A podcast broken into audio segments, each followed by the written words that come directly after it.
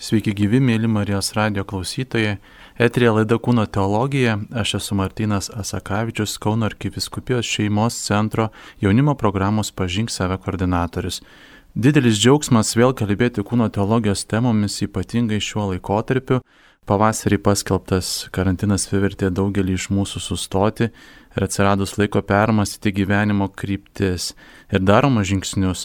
Ne tik karantino metu, bet ir kiekvienoje dienoje turėtume pažvelgti į save, siekdami geresnio savęs pažinimo, stoti prieš savo netobulumus, nuodėmes ir siekti šventumo. Šį kartą laidoje kalbėsime apie priklausomybę nuo pornografijos ir konkrečiai skaitysime Mato Frado knygą Kaip nukauti galijotą. Ši knyga tai penkių žingsnių strategija norintiems įsilaisvinti iš priklausomybės nuo pornografijos.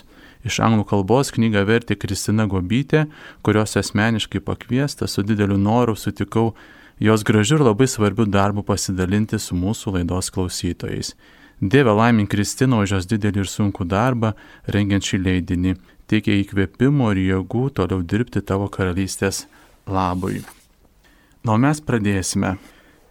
Prieš kelis dešimtmečius reikėjo pinigų, laiko ir pastangų surasti ir pažiūrėti pornografiją o šiandien užima daug laiko, pinigų ir pastangų siekiant tiesiog to išvengti. Nebėra reikalo važiuoti į prastos reputacijos rajoną, eiti į nuskurusias parduotuves, dabar internetu pornografija pasiekiama visur, kur esate.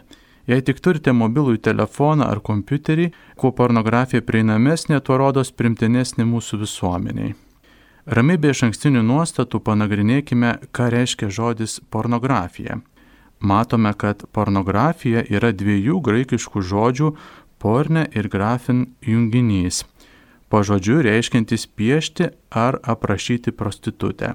Jeigu būčiau dailininkas ir nupiešiu prostitutę sėdinčią šalikelėje, o greta šio piešinio padėčiau keletą reklaminių bukletų, kuriais esame bombarduojami priekybos centruose, manau, kad būtų sunku pasakyti, kuri iš vaizduojamų merginų prostitutė, o kuri ne. Tokių pavyzdžių aplink gausu, bet kam tai rūpi, kas čia tokio, tai tiesiog mūsų seksualinio išsilaisvinimo rezultatas. Tai dėl ko kovojo mūsų motinos ir tėvai šeštajame 20-ojo amžiaus dešimtmetyje. Jei 2000 metais kas nors būtų pasakęs, kad įkursiu interneto puslapį The Porn Effect, kad kalbėsiu apie pornografijos žalą ir siūlysiu pagalbą kitiems, būčiau paklausęs, ko jūs prisirūkėte. Aš neturėjau problemų su pornografija, ta prasme, kad čia kas čia baisaus, noriu tai pažiūrėti ir nieko neprievartauju, nesu priklausomas, tiesiog pažiūriu karts nuo karto ir kas čia tokio. Tačiau mano nuomonė pasikeitė, todėl ir esu čia norėčiau pasidalinti savo istoriją apie tai, kaip dar visai jaunas užkibau ant pornografijos. Klimpau į priklausomybę ir ačiū Dievui iš jos išsilaisvinau. Po to kalbėsiu apie praktinę penkių žingsnių strategiją, kaip pasirinkti iš upės vagos penkis glūdžius akmenis ir nukauti galijotą. Tai nėra pasakojimas, kaip tapti tokiais kaip aš, nes neva esu pasiekęs vyriškumo aukštumas Ir jei atliksite šios penkis žingsnius ir mokėsite man 50 dolerių, pasieksite savo tikslą. Tikrai ne.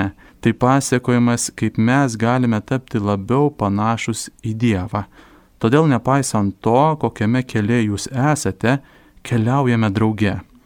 Aš nežinau, kokia jūsų situacija, gal jūs nekovojate su pornografija ir masturbacija, tačiau žinau, yra tokių, kurie bando iš tokių potrukių išsilaisvinti gal tai prostitucija, o gal svetimavimas. Tai yra meilės iškraipimas ir apgaulė. Manau, kad tam tikrą prasme mes visi patirime gundimų ir kovą su geismu. Taigi esame tame visi kartu. Jeigu norite iš šio pasakojimo gauti kokios nors naudos, visų pirma turite nustoti kaltinti porno pramonę, savo žmonas ir santykius su tėvu ir nuolankiai pripažinti, kad mūsų problema yra mūsų problema, tokio dydžio, kokia tik ta problema yra. Manau, tik tuomet nuolankume prasideda gyjimas. Keli nesusipratimai kalbant apie pornografiją. Prieš pradėdamas pasakoti savo istoriją, Nieko nelaukdamas norėčiau paaiškinti dažnai, kalbant apie pornografiją, pasitaikančius nesusipratimus. Kai krikščionys pasakoja apie kovą su pornografija, jie dažnai iš vonelės kartu su nešvariu vandeniu išpila ir kūdikį, kabutėse. Pornografija yra susijusi su nuogai žmonėmis turinčiais lytinių santykių. Pornografija yra blogis, todėl turbūt kažkas negerai su nuogu žmogaus kūnu ar lytiniais santykiais, nors taip iš tikrųjų nėra. Noriu pasakyti, kad lytiniai santykiai yra ne tik geras, bet ir paties Dievo dovanotas dalykas. Pačioje Biblijoje pradžioje Dievas įsako Adomui ir Jėvai, būkite vaisingi ir dauginkitės. Netikiu, kad tai sakydamas Dievas turėjo omenyje, auginkite vaisius ir mokykitės daugybos lentelės. Pradžios knygoje Dievas kalba, kad lytiniai santykiai yra sutoktinių susijungimo šventė vyras palieka savo tėvą ir motiną, glaudžiasi prie savo žmonos ir jie tampa vienu kūnu. Vokietijoje oro uoste mačiau tokį stiklinį kubą, pažymėtą užrašu - rūkimo vieta. Ten žmonės eina parūkyti, jie jau nebegali išlaukti. Man atrodo, kad šių dienų visuomenė mano, jog katalikų bažnyčia žvelgia lytinius santykius taip, kaip to oro uosto administracija ir rūkorius Gerai, jeigu vis tiek turite tai daryti, gal bent jau galite daryti ten, bet taip nėra. Lytiniai santykiai yra geras, labai geras dalykas. Lytinis potrukis yra labai geras dalykas ir nėra tapatus gašlumui. Kas toliau? Moterys. Broliai, manau, sutiksite su manimi, kad šioje planetoje nėra nieko gražesnio už moteris.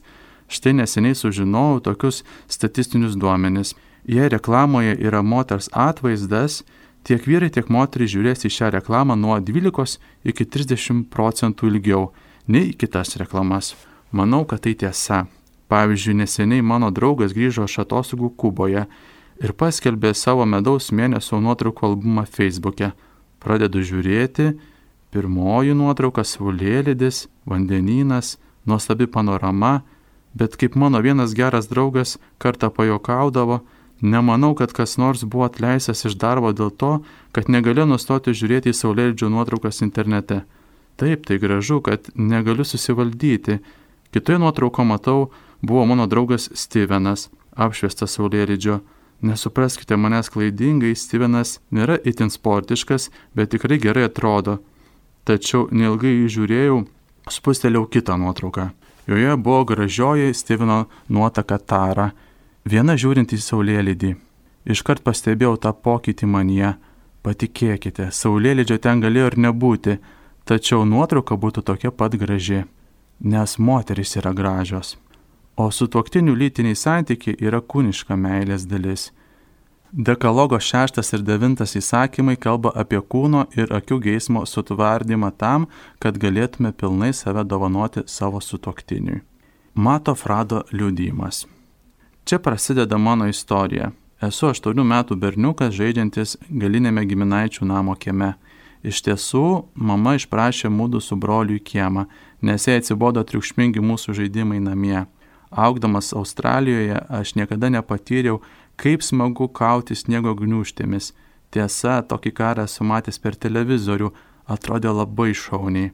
Australijoje, ko jau turim, tai turim raudono purvo.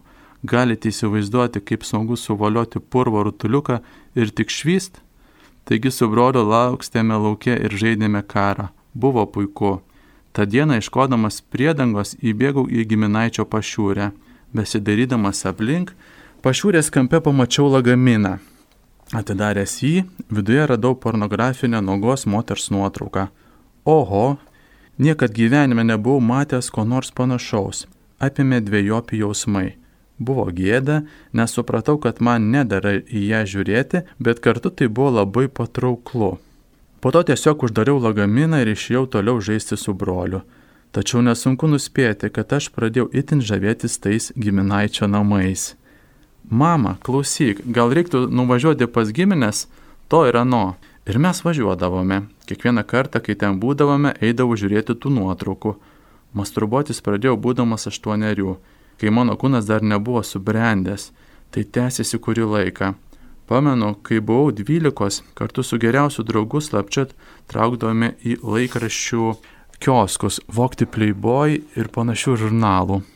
Apsimesdavome, kad mūsų domina sunkiojo metalo žurnalai, čiupdavome grobį ir bėgdavome, vėliau pasidalindavome tau šitas, man anas. Štai žurnalai jau mano kuprinėje, parinu namo, užsidarau kambario duris, o kur man juos paslėpti? Po lova pernelyg akivaizdu. Uždengti bloga mintis, po patinių spintelės stalčiumi genialu. Ten yra šiek tiek vietos. Kas galėtų pagalvoti? Niekas. Taigi aš sukraunu porno į savo neįveikiamą tvirtovę ir didžiuodamas į savimi uždarau apatinį stalčių. Ir ką jūs manote? Pareina keletą savaičių, mano tėvas grįžta namo su pasidaryk pats kilimų valymo rinkiniu. Aš žinoma to nežinojau. Prisimenu, sėdžiu kambario kampe, žaidžiu video žaidimus, mėgaujuosi gyvenimu ir štai iš kažkur išdyksta tėtis. Jis pažvelgė į mane ir tarė, šaunę pleboj kolekciją turi ten, tik žiūrėk, kad mama nesužinotų. Mirktelio man ir išėjo. Aš tiesiog likau stovėti spoksodamas, kaip brėdis į priekinius automobilio žibintus. Kas ką tik nutiko? Vaikščiau po kambarį klausinėdamas savęs, tai jis mane pasveikino dėl to? Aš negausiu pilos? Kasgi ką tik nutiko? Mano tėvas yra geras žmogus, bet tuo metu jis nebuvo katalikas ir nežinojo Dievo vizijos apie litiškumą, kurią būtų galėjęs man perduoti. Taigi jis bandė pasielgti teisingai, nenorėjo, kad man būtų gėda, kad jaučiausi sutrikęs, kaltas. Todėl pasakė, šauni kolekcija, nieko daugiau. Bet tai, ką jis nors ir netyčia padarė, sustiprino melą, kuriuo aš tikėjau. Melą, kad vyrai žiūri pornografiją ir tame nieko nėra blogo. Taigi, kai buvau 13, ne tik turėjau giminaitį, kuris liepė pornografinę medžiagą savo pašiūrėje, bet ir tėvą, kuris net pasveikino mane, kad ją renku. Dar daugiau, aštuntos klasės mokytoja katalikiškoje stovykloje mums pasakė, kad masturbacija yra gera ir sveika, tik pirmin. Likto būtų per mažai, mano geriausio draugo, pas kurį kartais likdavau nakvoti, mama mums išnuomodavo pornografinių filmų. Valgydama vakarienę, jį išeidavo į savo kambarį, o mes su draugu žiūrėdame tos filmus. Mano mama nieko nič nieko nežinojo ir man visą tai atrodė visiškai primtina. Kai dabar pažvelgiu į savo gyvenimą, matau, kokiais būdais priešas bandė mane įveikti. Dažnai mes pamirštame, kad vyksta dvasinė kova Apie tai apaštalas Paulius rašo laiške Efiziečiams. Pagaliau būkite tvirti viešpatie ir jo galybės jėga apsiginkluokite visais Dievo ginklais, kad galėtumėte išsilaisvinti prieš velnio klastas. Mes grumėmės ne su krauju ir kūnu, bet su kunigaikštystėmis, valdžiomis, šių tamsybių pasaulio valdovais ir dvasinėmis blogio jėgomis dangaus aukštumose. Todėl imkitės visų Dievo ginklų, kad galėtumėte piktąją dieną pasipriešinti ir visą nugalėję išsilaikyti. Tad stovėkite, susijuosę strienas tiesa, apsivilkę teisumo šarvais ir apsevę kojas ryštų skleisti taikos Evangeliją. O svarbiausia, pasimkite tikėjimo skydą, su kuriuo užgesinsite visas ugningas piktojo strėles. Pasimkite ir išganimo šalmą bei dvasios kalavyje, tai yra Dievo žodį Kiekvienu metu melskitės dvasioje visokiojopomis maldomis ir prašymais. Be paliovos būdėkite, malda užtardami visus šventuosius ir mane, kad kai atveriu lūpas, būtų man duota drąsiai skelbti Evangelijos paslapti, kurios pasiuntinys esu ir būdamas kalinys, kad turėčiau drąsos kalbėti taip, kaip privalau kalbėti. Apie šią dvasinę kovą liudija ir šventųjų gyvenimo istorijos. Švento tėvo Pyvos biografijoje rašoma, kad demonai apsireiškė jam nuogų moterų pavydalu, provokuojamai prieš jį šoko. Perskaičiau Švento Benedikto istoriją. Velnes įgundė grįžti į miestą ir susirasti moterį raudoną suknelę, patraukusią jo dėmesį. Šventas Pranciškus taip pat patyrė gundimų ir net metėsi į digliuotus krūmus, kaip beje ir Šventas Benediktas Žinoma, nepatarčiau elgtis taip pat, juk yra ir kitų būdų kovoti dvasinę kovą. Žvelgdami į savo gyvenimus dažnai klaidingai manome, kad kovoti tenka tik mums. Tuomet į galvą ateina du variantai. A. Dievas galėtų mane išgydyti, bet jis nesima to daryti arba nėra pakankamai galingas. B. Aš tikrai susimaunu, man nepavyksta susijimti. Kas kart, kai pagalvodavau apie savo priklausomybę, susijaudinęs mintise trenkdavau kumščių į stalą ir tvirtai savo sakydavau, viskas, gana, aš niekada to nebedarysiu. Ir vėl grįždavau prie to paties. Na kodėl aš negaliu susijimti? Paprastai atrodo, kad tikrovė yra šių dienų variantų derinys, tačiau yra ir trečiasis variantas. Pirmajame Petro laiške rašoma, kad mūsų sielų priešas nori ne tik sugundyti ar pakišti purvinas mintis, jis kaip riaumojantis liūtas lankioja aplink, tikodamas ką praryti. Kuo labiau skendau šioje priklausomybėje, tuo daugiau turėjau pasiteisinimų, tačiau ne vienas iš jų manęs neįtikino. Ne tik todėl, kad nebenorėjau žiūrinėti nagų moterų, bet todėl, kad aš esu sukurtas ne pornografijai. Aš esu vertas daugiau. Matote, jūs ir aš mes esame Dievo sukurti iš meilės, sukurti mylėti, sukurti meiliai. Kitaip tariant, meilė yra mūsų kilmė, meilė yra mūsų vieta ir meilė yra mūsų likimas. Jei neteisingai suprantame meilę, neteisingai suprantame gyvenimą. Gyvenimas mus tampa bereikšmis ir beprasmis. Taip aš ir jaučiuosi, būdamas 14, 15, 16 metų. Niekad nesirinkau pornografijos, norėdamas išnaudoti moteris, kaip ir bet kuris mano pažįstamas vyras. Nepirkau Starbucks tam, kad grįžęs namo išnaudočiau moteris. Vis dėlto moterų išnaudojimas nebijotinai pornografijos pasiekmė. Manau, kad priežastis, dėl ko mes leidžiamės į pornografiją, yra troškimas užpildyti tai, ko mums trūksta. Pavyzdžiui, esame vieniši Pornografija siūlo mums intimumo jausmą, bet mes visada liekame izoliuoti. Arba laisvės troškimas. Aš noriu būti laisvas ir daryti, ką noriu. Noriu sulaužyti tėvų, bažnyčios ar kitas taisyklės, todėl einu žiūrėti pornografijos. Mes norime būti laisvi, bet galiausiai tampame pavergti ir priklausomi. Noriu ramybės. Galbūt kas nors iš jūsų yra išgyvenęs tokią pagundą Jei aš tiesiog pasiduočiau ir nueičiau masturbuotis, galbūt tada pagaliau atraščiau ramybę ir galėčiau ramiai mėgoti. Bet visada žinote, kuo tai baigėsi - įsiaudrinimu. Mes ieškome susijaudinimo, bet galų gale gražiausi kūnai šioje planetoje mums tampa nuobodus. Kaip ilgai žiūrite į pornografijos vaizdą - 10 sekundžių, 20 sekundžių, minutę. Ir tada verčiant keliaujant į dar kitą fantaziją mūsų mąstymas tampa poligaminis. Kai savo smegenis pripratiname nuobodžiauti ir įsivaizduojame, kad tuo met, kai susituoksime, mūvėpsime žiedą ant piršto, ta žiedas bus magiškas, suteiks savikontrolę. Bet tai netiesa. Po santokos mes tiesiog perkelsime šį geismą savo žmonai. Kalbant atvirai, viena iš priežasčių, kodėl anuomet pasidaviau pornografijai ir kodėl ši pagunda vis dar išlieka, yra tai, jog atrodo, atrodo, kad joks kitas dalykas taip nepatvirtina vyro stiprybės, jo vyriškumo kaip moteris, trokštanti jo jėgos. Taigi norėjau patvirtinti savo vyriškumą, bet jį praradau. Potencijos praradimas yra tada, kai žmogus netenka gebėjimo būti vyrišku. Štai ką daro pornografija. Tokia tad buvo mano istorijos pradžia, priklausomybės priežastys ir pasiteisinimai, kodėl aš tai dariau. Tapau nuobodžiaujantis ir varganas, jaučiausi tarsi aš būčiau 50 ar 60 metų. Man viskas atsibodo, aš varganas, priklausomas ir izoliuotas, ir niekas niekada neturėjo drąsos man pasakyti, kad visa tai gali tapti problema. Dievas žino viską, ką aš padariau, bet vis tiek mane myli. Prisimenu, buvau 17 metų kai mama grįžusi namo iš bažnyčios pasakė, matai, šiandien viena moteris kalbėjo apie pasaulio jaunimo dienas. Apie ką? Beje, aš nelankiau bažnyčios, laikiau save agnostiku, buvau per daug protingas tiems svaišiojimas apie Dievą, todėl jei tik galėdavau pasilikdavau namuose. Na, ji tarė, renginys vyks Romoje.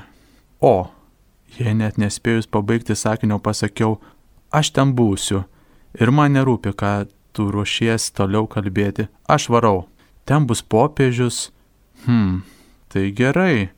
Dar bus daugiau nei 2 milijonai jaunų žmonių. Aha, daug jaunų merginų. Pamatysi, viskas bus puiku, jei tik neprikrėsi kokių kvailyšių. Neplanuoju, mama. Gerai. Po kiek laiko atsimenu sėdžiu su geriausiu draugu klasės gale, pasakoju jam apie kelionę, kad planuoju vykti ne tik dėl Jėzaus ar tiesiog norėdamas gerai praleisti laiką. Taigi, štai lipau lėktuvą, kartu su manim keliavo apie 30 jaunų žmonių. Ir sutikau to žmonės. Pirmas dalykas, kuris mane šokiravo, jie nebuvo keisti. Jauni krikščionys, kuriuos buvau sutikęs anksčiau, atrodė keisti. Tikėjausi, kad šie pasakys kažką panašaus. Jeigu tau reiktų rinktis, kokia būtų to mėgstamiausia knyga Biblijoje. Hm, galvojau, jei pradės klausinėti, pasakysiu, kad eitų šalin. Tačiau šie vaikinai buvo normalūs. Atrodė pasitinkyti savimi, laimingi, bet to jie tikėjo tuo, ką apie litiškumą moko bažnyčia. Ir tai buvo puiku turėjau galinėti su jais. Tie vaikinai paklausė, ar tikiu Dievą. Pasakiau, kad ne. O jie sakė, tikintys ir klausė manęs, tai kodėl tada esu čia? Bet man padarė įspūdį jų nuoširdumas ir malonus bendravimas. Vaikinas, kuris sėdėjo šalia manęs, papasakojo, kad jis ilgą laiką kovojo su priklausomybė nuo narkotikų ir laikui bėgant viešpats malonės dėka jį išgydė. Įspūdinga.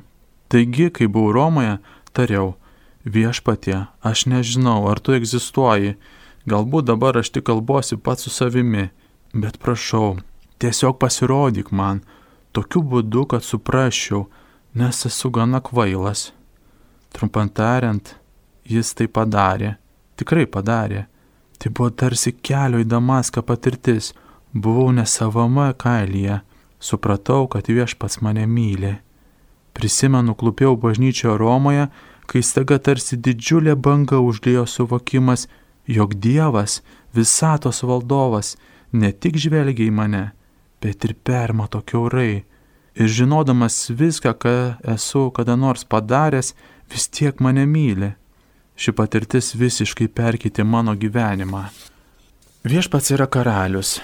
Taip jis mylėjo mane tokį, koks buvau, bet jis mylėjo mane per daug, kad tokį ir paliktų. Taip pat jūs jis myli per daug, kad tokius ir paliktų. Mano trijų metų sunus Leonas turi daugiau energijos nei pati Saulė, panaši į Bilbo iš žiedų valdovo puikus vaikas. Jei po 17 metų jis kartą grįžtų namo ir aš sužinočiau, kad mano sunus vartoja narkotikus, negi sakyčiau, okay, bičiuli, aš myliu tave koks esi. Ne, tai ne meilė. Aš per daug įmyliu, kad galėčiau palikti visą taip, kaip yra. Viskas, kas yra mano sunaus priešas, tampa mano priešu. Viešpats, visagalis Dievas, myli mane. Dėl to į pornografiją ir masturbaciją išvelgia tarsi į vėžį, greunantį mano gyvenimą. Tai tapo jo priešu. Grįžęs namo iš Romos, aš pirmą kartą apie savo priklausomybę pradėjau kalbėti per išpažinti. Buvo kunigų linkusių man padėti, bet dėje pasitaikė ir tokių, kurių žodžiai mane visai nepagelbėjo. Vienas kunigas pasakė, kad neturėčiau nerimauti, nes mano amžiaus vyrukui tai yra normalu. Nebenorėjau to girdėti, man patiko žiūrėti pornografiją, tai buvo labai malonu, bet norėjau, kad su manim elgtųsi kaip su vyru, o ne kaip su berniuku. Tačiau kartą, kai išpažinau savo nuodėmės, kunigas pasakė, matai, turiu tau pasakyti, kad tavo ruošimas į santoką yra baisus. Šie žodžiai tiesiog perėžė man širdį. Taip aš manau, kad taip ir yra. Taigi pradėjau daryti viską, ką galėjau, kad išvengčiau pornografijos ir įveikčiau priklausomybę. Vis dar pasiduodavau kartą per mėnesį ar du. Kasdien eidamas į darbą užsukdavau į mažą krūtuvėlę išgerti rytinės kavos Ji buvo ypatinga tuo, kad joje galėjai rasti nemokamų krikščioniškų žurnalų. Tikriausiai savininkai buvo krikščionys. Tačiau viršutinėse krautuvėlės lentynose gulėjo pornografija. Prisimenu kartą pajutau tarsi viešpas man sakytų, matai, aš noriu, kad tu kai ką dėl manęs padarytum. Nuvijau tą mintį šalin ir išėjau, bet kasdien grįždavau ten ir jaučiau tą patį. Dievas nori, kad aš kažką padaryčiau. Galiausiai sutikau ir padariau šitą labai vyriško. Nuėjau namo ir parašiau laišką, kuriame iš esmės paaiškinau problemą susijusią su pornografija. Laiške buvo rašoma, jūs esate krikščionis, tad turėtumėte suprasti, kad pornografijos problema yra ne tai, kad parodoma per daug, priešingai, joje parodoma per mažai žmogaus. Pornografija sumenkina moters grožį ir paslaptingumą iki kūno dalių rinkinio, skirto panaudoti vietoj asmens, kurį galėtume mylėti. Pornografija iš esmės moko vaikinus galvoti tris dalykus. Pirma, moteris turi būti nuolat seksualiai prieinama. Antra, ji turi būti nepriekaištingos išvaizdos. Trečia, moteris yra verta tiek, kiek geismo manie sukelia.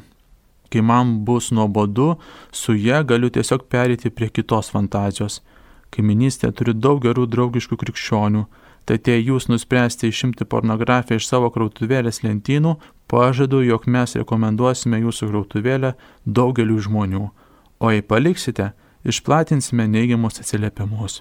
Laiško pabaiga. Maždaug po dviejų savaičių man paskambino parduotuvės savininkas ir tarė.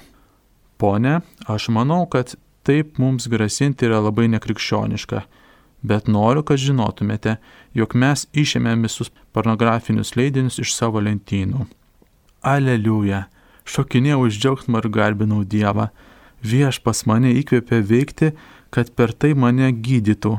Savo jėgomis būčiau tik stovėjęs ir kartojęs, aš nieko negaliu padaryti, bet viešpats viską apvertė tarsi sakydamas, noriu, kad kovotum su šiuo blogiu ir toje kovoje aš tave gydysiu. Toks buvo Dievo pažadas, kurį jis palaipsniui išpildė.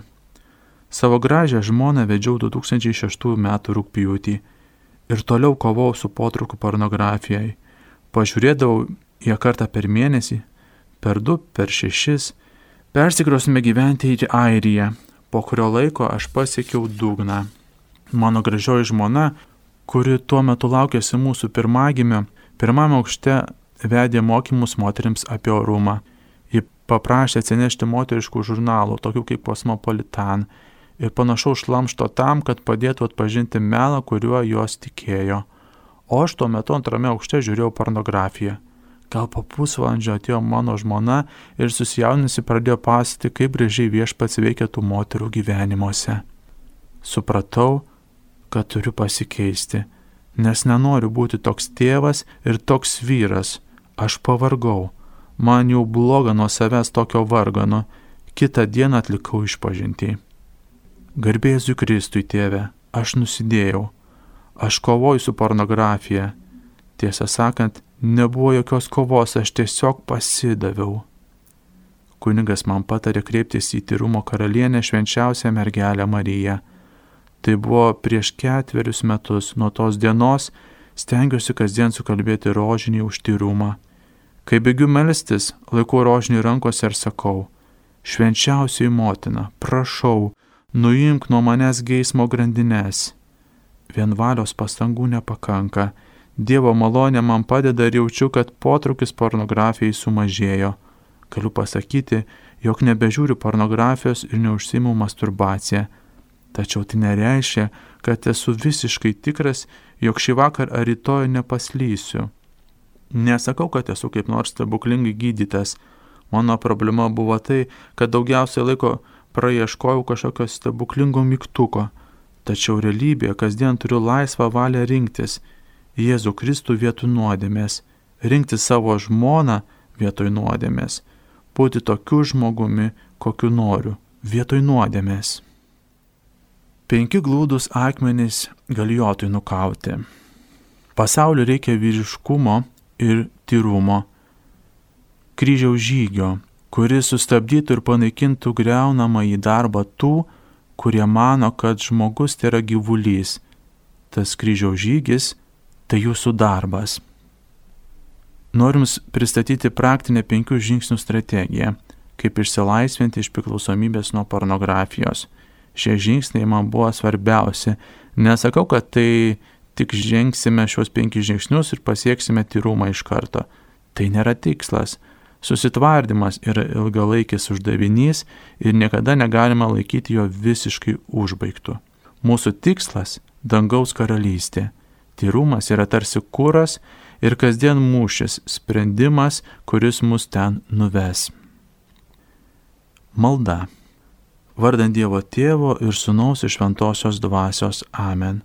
Draugiškasis tėve, Meldžiamės ir garbiname tavo šventąjį vardą, dėkojame, kad sukūrė mus pagal savo paveikslą ir panašumą.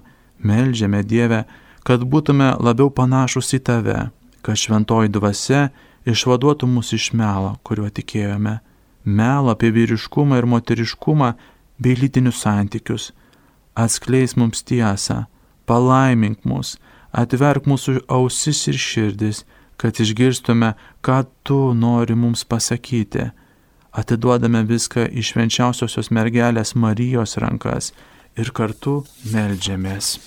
Sveika Marija, malonės pilnoji, viešpat su tavimi, tu pagirta tarp moterų ir pagirtas tavo sunus Jėzus. Šventoji Marija, Dievo motina, melsk už mus nusidėjėlius, dabar ir mūsų mirties valanda. Amen.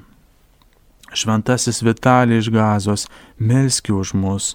Šventasis Maksimilijonai Kolbė, melski už mus. Garbė Dievui, Tėvui ir Sūnui ir Šventai Dvasiai, kai buvo pradžioje, dabar ir visada ir per amžius. Amen. Gali būti, jog jaučiatės nusiminęs. Galvojate, kad viską išbandėte ir vis tiek esate įstrigęs. Gali atrodyti, kad jūsų problema arba priklausomybė nuo pornografijos yra kaip galijotas, aštuonių pėdų ūgio, geležiniai šarvais ir nenugalima. Jūs bėgis prieš jį tol, kol esate vienas. Viešpat sako, nuo manęs atsiskyrę jūs negalite nieko nuveikti. O paštalas Paulius primena, aš visą galiu tame, kuris mane stiprina. Manau, kad Dovido ir Galioto istorija patinka vyrams. Su ja vyrai gali susitapatinti. Noriu pristatyti praktinę penkių žingsnių strategiją. Pirma. Išmesti pornografiją ir užsibriežti tikslą. Prieš keletą metų vienas draugas pasidalijo, kad kovoja su priklausomybė nuo pornografijos ir paprašė pagalbos. Jis laikė pornografiją savo kambaryje. Tariau, Gerai, broli, darom. Meldžiamės rožinį važiuodami pas jį. Atėjom jo kambarį, jis atidarė patinį savo spintelę stalčių, pažvelgė į mane ir pasakė. Nieko čia įspūdingo. Paėmėm plastikinį maišelį ir išvertėm jo kolekciją. Jokių paskutinių žvilgtelėjimų. Su pakabernu žygiavom iki krosnės, kalbėdami sveika Marija. Tuomet sudeginom tą šlamštą, Tada įspėjome savo DVD ir CD kolekciją, kurią buvo sukaupęs, sudėjome juos į gražią krūvą garaže, draugas paėmė didelį kūjį ir lietai bei užtikrintai juos sunaikino. Pajutome tokią laisvę, bet žinoma, gyventi 21 amžiuje tai tik nedidelė problemos dalis. Pornografija prieinama internete, taigi visur. Populiarus Biblijos mokytas Jeffas Kavinsas yra pasakęs, jei jūs einate ten, kur jums nederėtų eiti jūsų kompiuteryje, suformatuokite kompiuterį. Tai savotiška kompiuterio išpažintis. Tuomet pašveskite kompiuterį viešpačiui, kaip darbalaukio foną nustatyti švenčiausios Marijos atvaizdą ir priimkite sprendimą. Nuo šiol šis kompiuteris garbins Dievą. Instaliuokite filtrą, rekomenduočiau Covens EIS ir panašiai. Kiek tai kainuos? Ne vienas iš mūsų atsikrausęs į prastą miesto rajoną neklausė, ar tikrai reikia nusipirkti spyną. Yra keletas dalykų, kuriuos dar galima padaryti. Jei turite išmanų telefoną ar iPhone pornografiją, jums prieinama telefone. Turėjau iPhone ir ketinau vykti į Australiją su savo sūnumi. Žinau, kad turėsiu pagundą, todėl nuėjau pas savo draugą ir paprašiau užblokuoti mano YouTube ir Safari naršyklės. Be to pasakiau jam, net jei skambinčiau naktį ir sakyčiau, kad man būtinai reikia tos prieigos, jokių būdų man to neduok. Galite padaryti ką nors panašaus. Ir jei vis dėlto negalite, atsikratykite išmanio telefono ir įsigykite tokį, kuris nepalaiko interneto ryšio.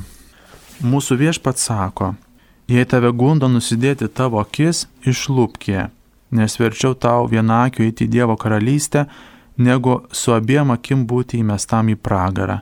Be bejonės, viešpas čia kalba perkeltinė prasme. Jis nenori, kad mes iš tiesų išsilūptume akis juk tuomet negalėtume skaityti Biblijos. Bet Dievas sako, kad negalima kvailioti ir ragina mus žiūrėti rimtai. Jis hiperbolizuoja, norėdamas pabrėžti, kad tai, į ką žvelgia mūsų akis, yra tikrai labai svarbu. Taigi pateiksiu modernų šios eilutės vertinimą.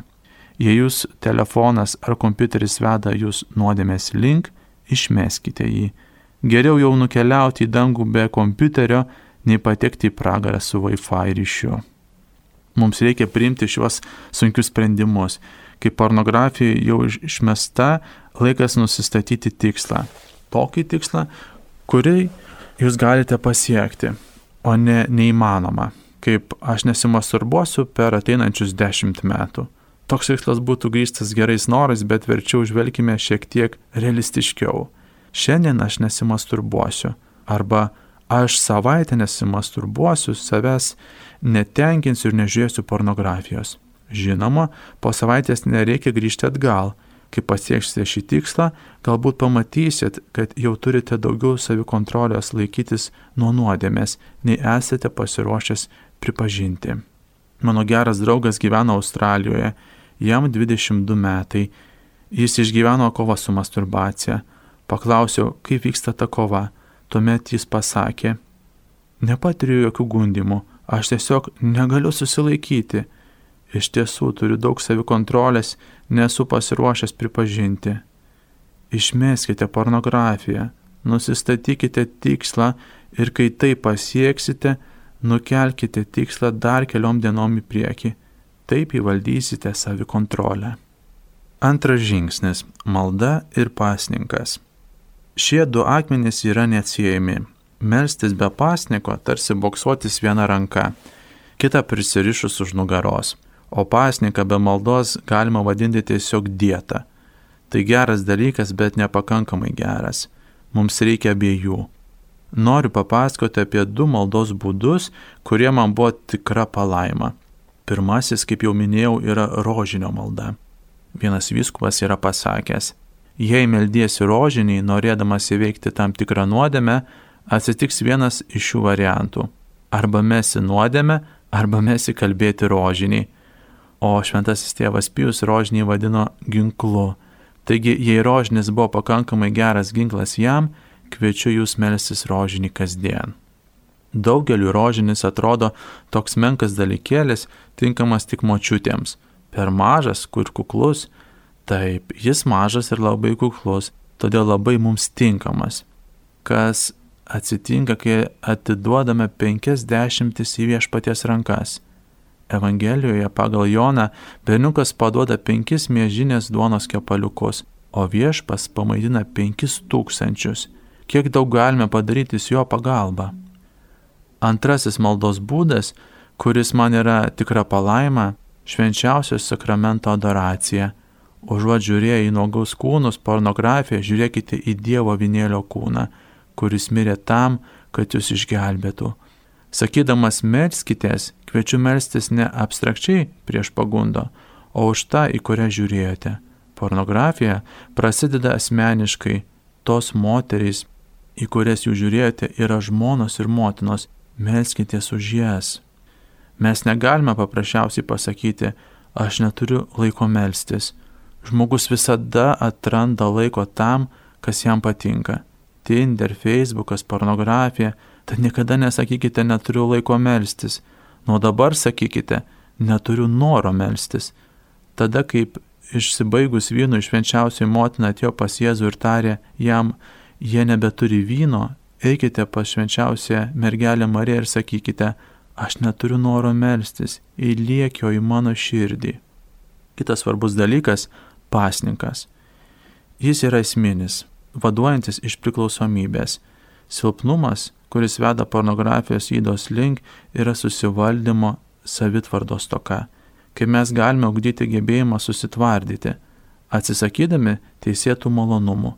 Pavyzdžiui, jeigu jūs negalite atsisakyti dar vieno gabalėlių picos, podelio kavos ar sausainio, tai kaip ketinate atsispirti pagundai žiūrėti pornografiją, kai jūsų žmona ir vaikai jau miega, arba esate paauglys, kai miega jūsų tėvai, taip nebus. Tam mums reikalingas pasninkas. Kai kuriems iš jūsų galbūt tiks pasninkas su duona ir vandeniu kartą per savaitę. Yra tokia nuostabi interneto svetainė, kuri gali padėti laikytis pasniko. Pavadinta pagal penkto laiško Efeziečiams skyrių, kur sakoma, jūs vyrai mylėkite žmonas, kaip ir Kristus mylėjo bažnyčią. Pirmą mėnesio trečiadienį gausi vyru armija pasnikauja už savo gyvenimo moteris. Tai galima daryti ir atsisakant kokios nors smulkmenos. Pavyzdžiui, aš išgeriu kavos be cukraus arba valgau bulvyčių fri be savo mėgstamo pomidorų padažo. Tik nesakykite to moteriams, ei, aš dėl tavęs nevalgau. Tai joms įspūdžio nepadarys. Šiuo atveju dalis stiprybės yra nuolankumas. Kai vairuoju ir matau bėgiojančią gražią panelę, nėra blogai pažvelgti į šią gražią moterį. Aš tiesiog susilaikau ir sakau mitise, viskas su tavim gerai, brangioji, bet dabar aš pagalvosiu apie savo žmoną. Regis smulkmenos. Trečias žingsnis - atsiskaitomybė.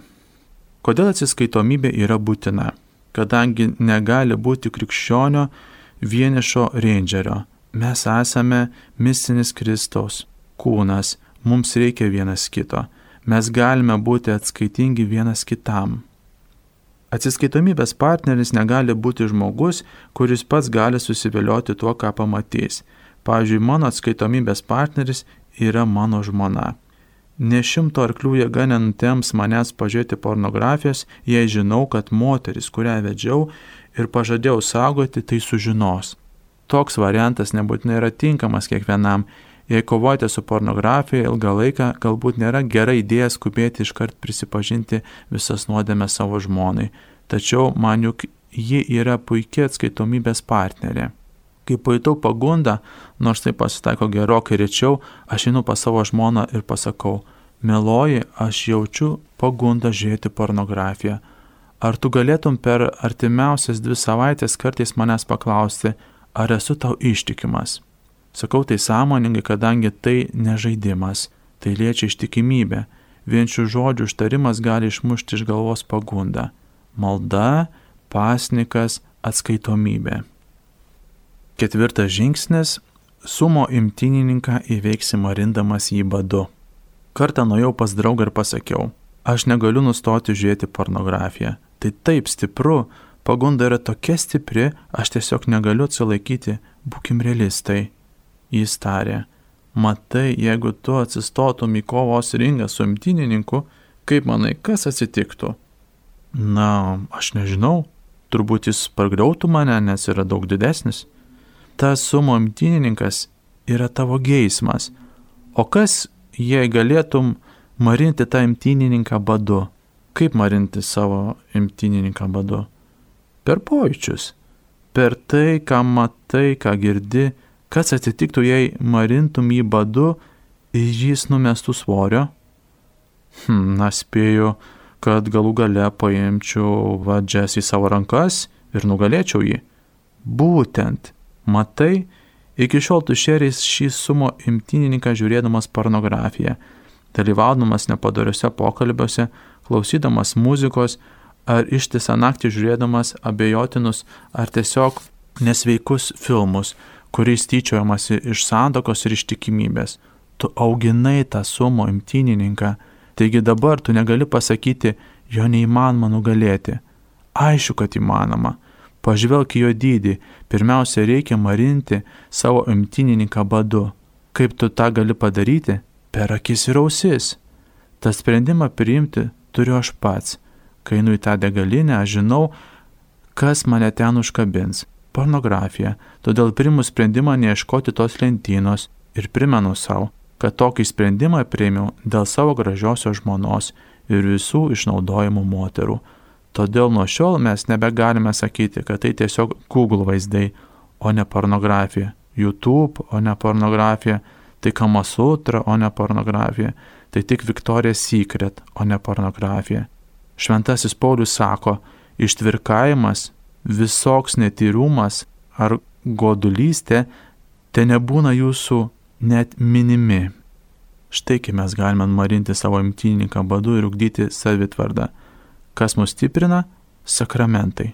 Malda, pasninkas, bičiulystė, sutikėjimo broliais. Be to, mus stiprina fizinis darbas, hobis, sportas, aktyvi protinė veikla, gerų vyrų draugija. Mūsų kūnas yra skirtas gyventi, mes turime būti aktyvūs. Penktas žingsnis - kantrybė ir atkaklumas. Kantrybė ir atkaklumas yra absoliučiai būtini. Kodėl? Nes jūsų žaizdos neatsivėrė per naktį ir tikriausiai per vieną naktį neužgės. Kas nemyli, tas nepažino Dievo, nes Dievas yra meilė iš Jono Evangelijos. Mes pažinome ir įtikėjome meilę, kurią Dievas mus myli. Dievas yra meilė ir kas pasilieka meilėje, tas pasilieka Dieve ir Dievas pasilieka jame iš Jono Evangelijos. Himnas meiliai pasakoja, kokia ji yra. Pirmiausia, meilė yra kantri. Mes dažnai esame linkę galvoti, kad Dievas neturi kantrybės su mumis, kad mes jį erziname. Tai netiesa. Tokias niuras mintis mums pakeša didysis kaltintojas melo tėvas, mūsų brolių kaltintojas, skundės juos mūsų Dievui dieną ir naktį. Mūsų Dievas yra toks geras ir toks kantrus.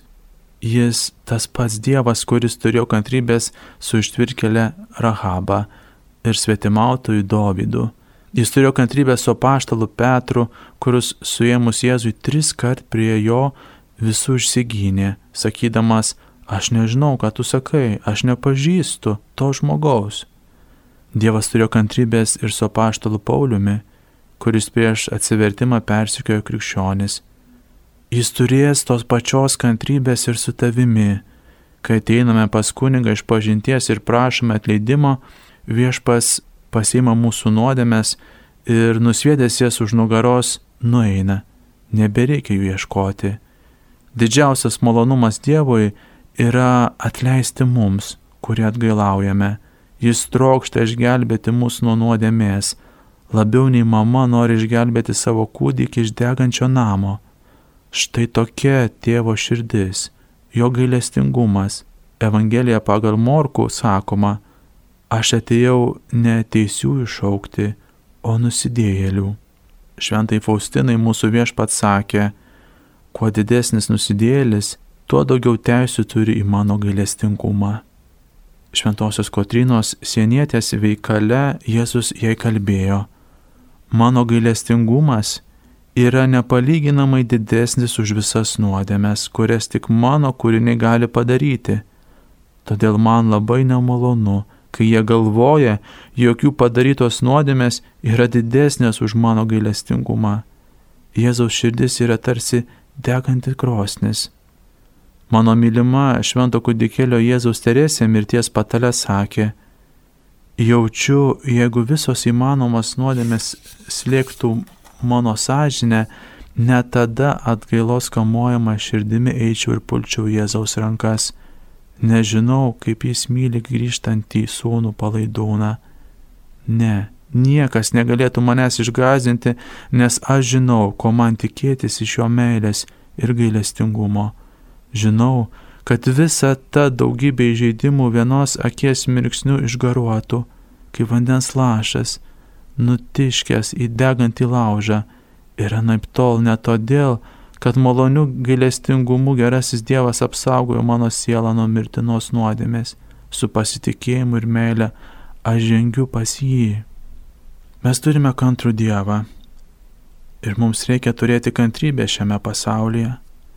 Taigi tyrumas nėra tikslas, kurio mes siekiame. Dažnai tikimės, kad parabusi vieną rytą galėsim pasakyti, viskas, aš esu tyras. Tačiau taip nenutinka Tyrumas yra kasdienis pasirinkimas ir tai yra kasdienis mūšis. Mums iš tiesų reikia vyrų, kurie būtų ryštingai visam laikui apsisprendę mesti pornografiją. Netobulai apsisprendę, tiesiog tvirtai apsisprendė visam laikui to atsisakyti. Ir kai jie suklumpa, svarbiausia, kad vėl keltųsi. Svarbiausia yra atsikelti vienu kartu daugiau nei esate pargriuvę. Tai yra esminis skirtumas tarp papaštalų Petro ir Judo. Viešpatės malonė nenustoja aukti, tik mes pavargstame žiūrėti į savo pačių bjaurumą. Šventasis Josemadė Eskriva yra pasakęs, pasauliu reikia vyriškumo ir tyrumo kryžiaus žygio, kuris sustabdytų ir panaikintų greunamą į darbą tų, kurie mano, kad žmogus tai yra gyvulys. Tas kryžiaus žygis tai jūsų darbas. Brangus, mėly Marijos radio klausytojai, šį kartą laidos metu skaitėme Mato Frado knygą Kaip nukauti galijotą. Ši knyga tai penkių žingsnių strategija norintiems išsilaisvinti iš priklausomybės nuo pornografijos. Iš anglų kalbos knygą vertė Kristina Gobytė. Ačiū visiems klausiusiems. Prašykime Dievo suteikti jėgų kovai su savo priklausomybėmis ir tikėkime, kad Jėzus mus gali iš jų išvaduoti. Nuo kitoje laidoje toliau tęsime priklausomybės nuo pornografijos temą ir susipažinsime su papildoma skaityto leidinio medžiaga. Šios laidos įrašą, kaip ir praėjusių laidų įrašus, galite rasti Marijos radio internetinėme puslapyje. Na, o šį vakarą su jumis buvo jaunimo programa Pažink save. Su jumis tikimės radio pagalba susitikti lygiai po trijų savaičių. Linkime jums gražaus vakaro ir ramios nakties. Likite su Dievu.